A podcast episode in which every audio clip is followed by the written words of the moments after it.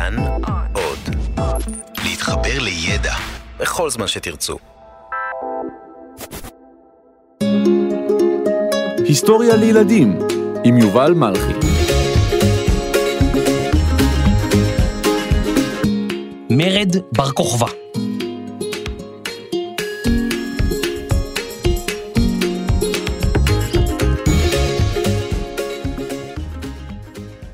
שלום ילדים, היום אני רוצה לספר לכם על בר כוכבא. אתם מכירים אותו מהשיר.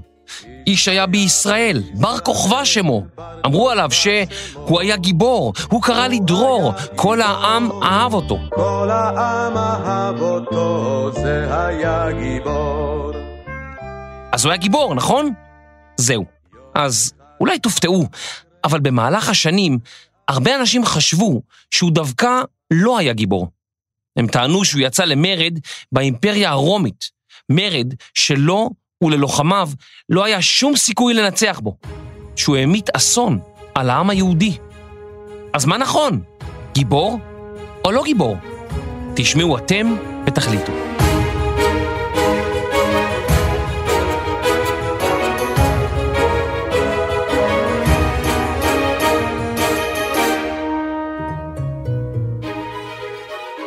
הרומאים כבשו את ארץ ישראל בשנת 66 לפני הספירה.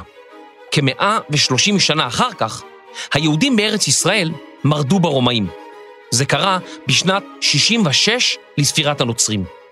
המרד נמשך כשבע שנים, ובסופו נחרב בית המקדש, במה שאנו מכנים חורבן הבית השני. אבל לא רק בית המקדש חרב, אלא גם ערים ויישובים יהודיים רבים. הרומאים זעמו על היהודים, אבל אט אט החיים חזרו למסלולם, והעם היהודי שב לחיות תחת חסותם ומרותם של הרומאים. למרות זאת, היהודים רצו לחיות במדינה משלהם, ולאחר כ-60 שנה שוב החלה תסיסה בקרב העם, ורבים רצו למרוד ברומאים שוב. הרומאים הביתה, פיפי ולישון! הרומאים הביתה, פיפי ולישון! הפגנה! רוצים מדינה! רומא עיר המי! רומא עיר המי! לך הביתה, רומא עיר המי!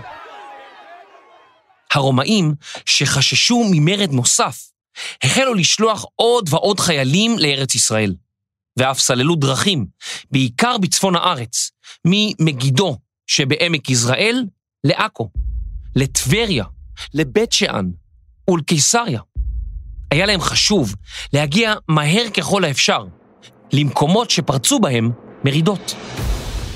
העניינים החלו להתחמם בשנת 130 לספירה, כאשר הקיסר הרומי, אדריאנוס, ביקר בארץ בכבודו ובעצמו. היהודים ניסו לשכנע אותו לבנות שוב את בית המקדש, והדבר הצית את זעמם של תושבי הארץ הלא יהודים. אלה שכנעו את הקיסר לא רק שלא לבנות את בית המקדש, אלא להפוך את ירושלים לעיר רומאית. הרומאים השתלטו על ירושלים, ובנו בה מקדש לאל השמיים, יופיטר. היהודים שחלמו לשוב לירושלים ולבית המקדש הזדעזעו. אנחנו לא יודעים את זה בוודאות, אך ייתכן שהרומאים גם אסרו לעשות ברית מילה, מה שהוסיף שמן למדורה. כלומר, החריף את המצב, ועשה הכל להרבה יותר גרוע. ביהודה, ששכנה בין אשדוד לקיסריה, ובין הים התיכון לנהר הירדן, ובה נמצאת גם ירושלים, החל הזעם לבעבע. אפשר היה לחתוך את המתח בסכין.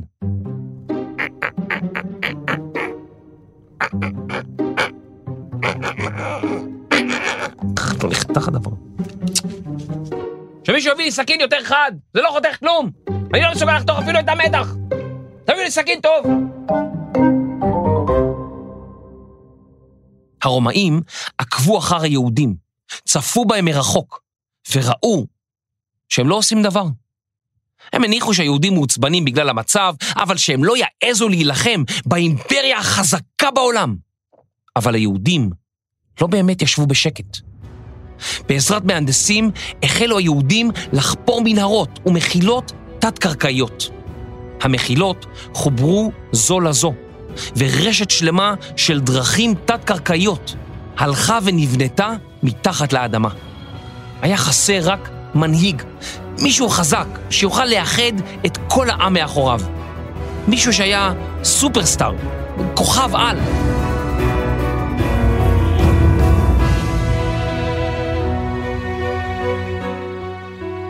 באותן שנים הופיע בזירה בחור שכמעט שאין אנו יודעים דבר על עברו. הוא היה לוחם ומפקד בעל קסם אישי. איש חזק, חכם ומוכשר. שמו היה שמעון בר כוזיבה, בארמית, ובעברית בר כוכבא. רבנים בארץ ישראל, למשל רבי עקיבא, נזכרו בפסוק מספר במדבר. אז דרך כוכב מיעקב, וקם שבט מישראל, ומחץ פאתי מואב, וקרקר כל בני שת. כוכב שמוחץ את אויביו. רבים בהנהגה הדתית האמינו שבר כוכבא היה מעין משיח, שבא לגאול את העם היהודי מסבלו. איך זה שכוכב אחד לבד מעז בר כוכבא החל לאסוף לוחמים, ותושבי כפרים רבים ביהודה התגייסו לצבאו. התמיכה בו הייתה עצומה, אך יש גם סיפורים על כך שנקם בכל מי שסירב להתגייס לצבאו. חייליו של בר כוכבא עברו אימונים, הם התאמנו ברכיבה על סוסים, בירי בחץ וקשת, בשימוש בחרבות, והם למדו להכיר את מערכת המסתור שנבנתה מתחת לאדמה. איננו יודעים כמה חיילים בדיוק היו בצבאו של בר כוכבא. בתלמוד הירושלמי נכתב שהיו לו קרוב לחצי מיליון חיילים. אבל אנחנו יודעים שהמספר הזה מוגזם. אולי היו לו כמה אלפים, או אפילו עשרות אלפים של חיילים. בתלמוד הירושלמי גם מסופר על המבחנים שבר כוכבא עשה ללוחמיו. נכתב כי בתחילה הוא הורה להם לכרות את הזרת שלהם. ולאחר מכן הם היו צריכים לעקור עץ, ארז הלבנון, תוך כדי דהירה על סוס. זה נשמע לנו מוזר, וכנראה שהדברים התרחשו קצת אחרת. אולי מישהו רצה לספר לנו עד כמה חזקים היו הלוחמים של בר כוכבא, אבל העובדות קצת התבלבלו. בכל אופן, חייליו של בר כוכבא החלו להתכונן לקרבות.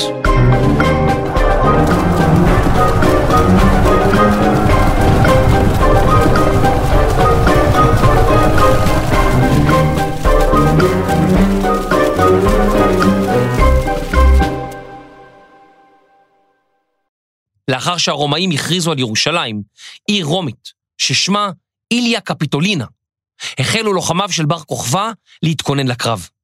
היו ברשותם כלי נשק רבים, והם הכירו היטב את מאות המנהרות שנבנו מתחת לאדמה. הכניסה למערות הייתה חבויה, והיה אפשר לחסום את הכניסה מתוך המחילות לשם הגנה. המחילות היו צרות ביותר, וחייבו את העובר בהן ללכת בצורה שפופה ולזחול במקומות צרים ביותר, דבר שהיה בלתי אפשרי לחייל רומאי בעל שריון עבה. בעת ההכנות למרד יצרו היהודים גם פתחים לכניסה וליציאה של אוויר, וגם פתחי כניסה ויציאה סודיים למסתתרים במחילות. במערכות המסתור נאגרו גם מים ומזון בכמויות גדולות מאוד. הוכן גם מקום למשפחות הלוחמים, כדי שגם הם יוכלו להסתתר. וכשהכל היה מוכן, פרץ המרד. מרד בר כוכבא.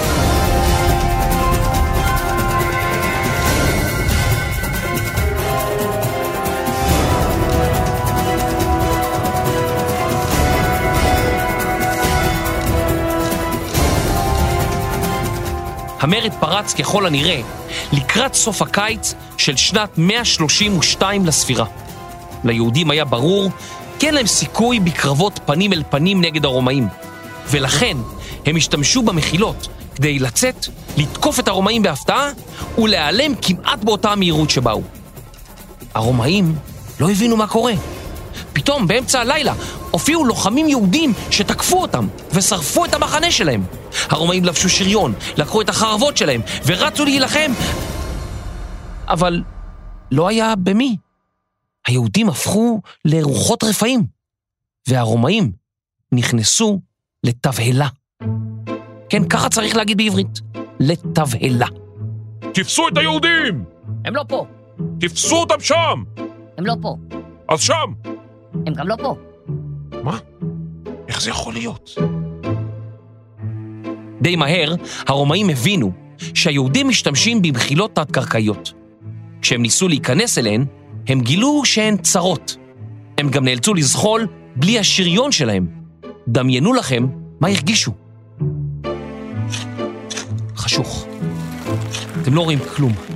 אתם זוחלים ימינה, שמאלה, עמוק יותר ועמוק יותר לתוך המחילה. אתם נושמים אבק, להסתובב אחורה.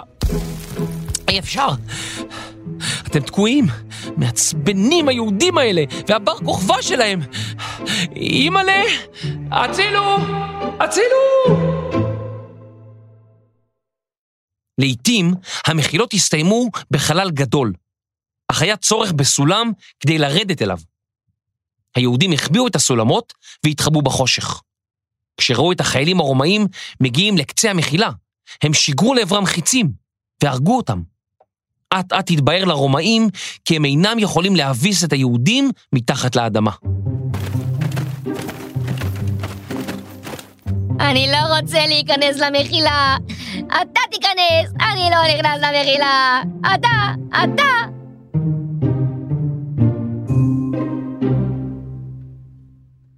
הצבא הרומאי שלח תגבורת מכל האזור אל ארץ ישראל, כדי להתמודד עם היהודים. אחד הליגיונות שלו, שנשלח הנה, פשוט נעלם מהרישומים, ומעריכים שבר כוכבא וחייליו השמידו אותו לחלוטין. הצבא הרומאי שלח לארץ ישראל, ליהודה הקטנה, עוד ועוד חיילים. כמעט רבע מהצבא של האימפריה הרומית האדירה הגיע הנה כדי להילחם בקומץ היהודים. אבל הרומאים לא הצליחו, והם היו עובדי עצות. עד מהרה הבין שליט האימפריה הרומית, אדריאנוס, כי אם לא יטפל ביהודים ויסיים את המרד, עמים אחרים יכולים לקחת דוגמה ולהתמרד גם הם, מה שיביא לסופה של האימפריה הרומית. אדריאנוס שלח את המצביא הטוב ביותר שלו, יוליוס סוורוס, כדי למצוא טקטיקה שתנצח את חיילי הקומנדו של בר כוכבא. כמעט שנתיים לאחר פרוץ המרד, הגיע סוורוס לארץ ישראל. הוא הבין כי קודמיו עשו שגיאות, ושהרומאים לא יכולים לנצח את היהודים מתחת לאדמה. הוא החליט לשנות שיטה. סוורוס הבין כי אם היהודים נמצאים בבטן האדמה, חייבים להיות למחילות שלהם פתחי אוורור. עד מהרה, החיילים הרומאים החלו לגלות את פתחי האוורור הסמויים של המחילות, וזרקו דרכם ענפים בוערים, שהעלו עשן רב. העשן חנק את יושבי המחילות, והם נאלצו לצאת ולהימלט מהרומאים. הרומאים הרסו כפר אחר כפר, מחילה אחר מחילה. עד מהרה, כל המורדים שהצליחו לברוח הגיעו לעיר ביתר, ששכנה ביהודה, בין בית שמש לירושלים של ימינו. בקרבת העיר ביתר היו מעיינות רבים, והיו בה ביצורים טבעיים, ועליהם נוספו ביצורים שבנו המגינים. בשנת 73, ואולי בשנת 74, אין אנו יודעים בוודאות, צרו הרומאים בעזרת עשרות אלפי חיילים על מעוזם האחרון של לוחמי בר כוכבא. אי אפשר היה לצאת מהעיר או להיכנס אליה, והמגינים, מורדים, החלו לסבול ממחסור במים ובמזון. בסופו של דבר, הרומאים פרצו אל העיר והרגו את כל הלוחמים הנותרים.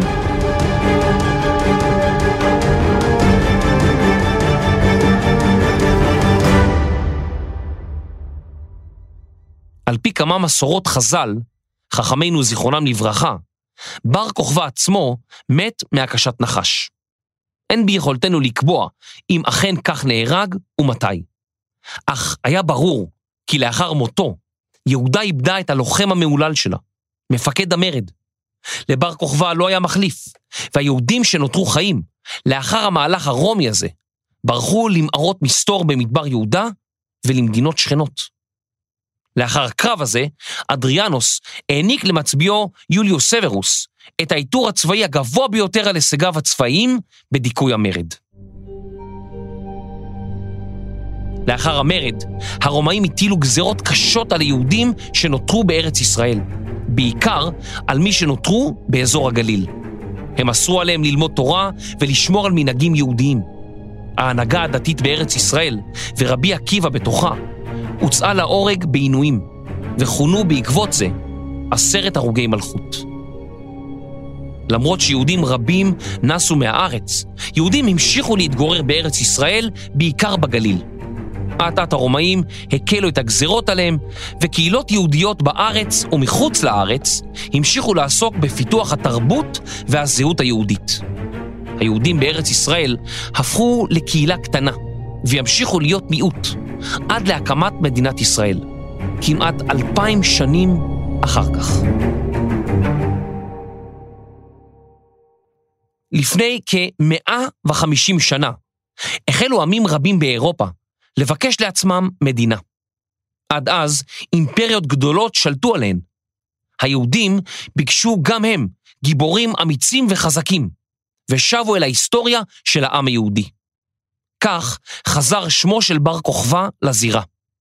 הסופר היהודי קלמן שולמן כתב סיפור, ולפיו בר כוכבא מנצח אריה ורוכב עליו.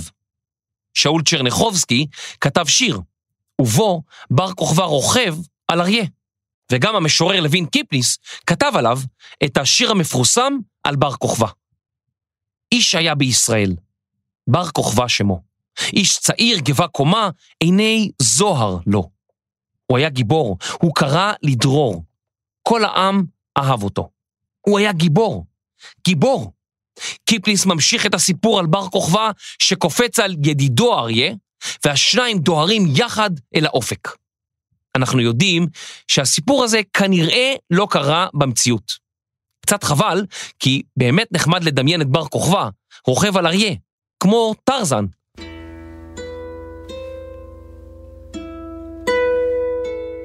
עם השנים רבו הוויכוחים בעניין בר כוכבא. האם היה חכם מצידו לפתוח במרד נגד אימפריה חזקה כל כך? האם היה לו וללוחמיו סיכוי? האם הוא סיכן את העם היהודי, או הראה לרומאים שלא כדאי להתעסק עם היהודים, ושהם יצאו למלחמה כדי להגן על דתם ותרבותם בכל מחיר? חז"ל אמרו, אל תדון את חברך עד שתגיע למקומו. לנו היום קשה להבין מה התרחש כאן לפני אלפיים שנה בערך. ברור לנו שאילו מדינת ישראל הייתה בסכנת קיום, היינו יוצאים להגן עליה. עצם העובדה שהרומאים רצו להחריב את ירושלים, הייתה כנראה סיבה טובה דייה לגרום לכל תושבי יהודה לצאת נגדם למרד. ולמרות הכל, מכיוון שלא כל העובדות ידועות לנו, קשה להביע דעה נחרצת בעניין. בר כוכבא היה ונשאר חידה.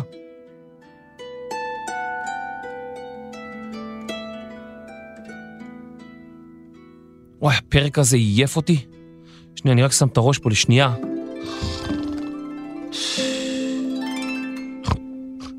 מה זה? איפה אני? מה? אני לא מאמין. שלום, אני בר כוכבא. שמור לי רגע על האריה. מי? אני? אדון בר כוכבא? אדון בר כוכבא, אני לא מבין באריות. אדון בר כוכבא, האריה פה, השארת אותו, לו רצועה אפילו, מחסום. אדון בר כוכבא, תחזור. בר כוכבא, שמעון.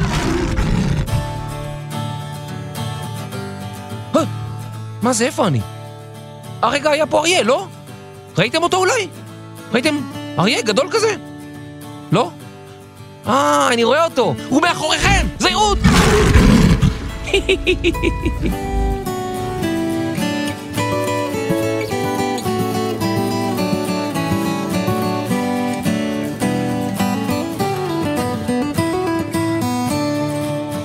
מחקר, כתיבה וקריינות, יובל מלכי. הקלטה וירי בחץ וקשת, גיא בן וייס. עריכת סאונד, מיקס, אפקטים ומאלף אריות, אסף רפפורט. עריכת לשון ועקירת עצים בזרת, סמדר כהן. הפקה וחפירת מנהרות נגד רומאים, רני שחר ואייל שינדר. אני יובל מלכי, היסטוריה לילדים.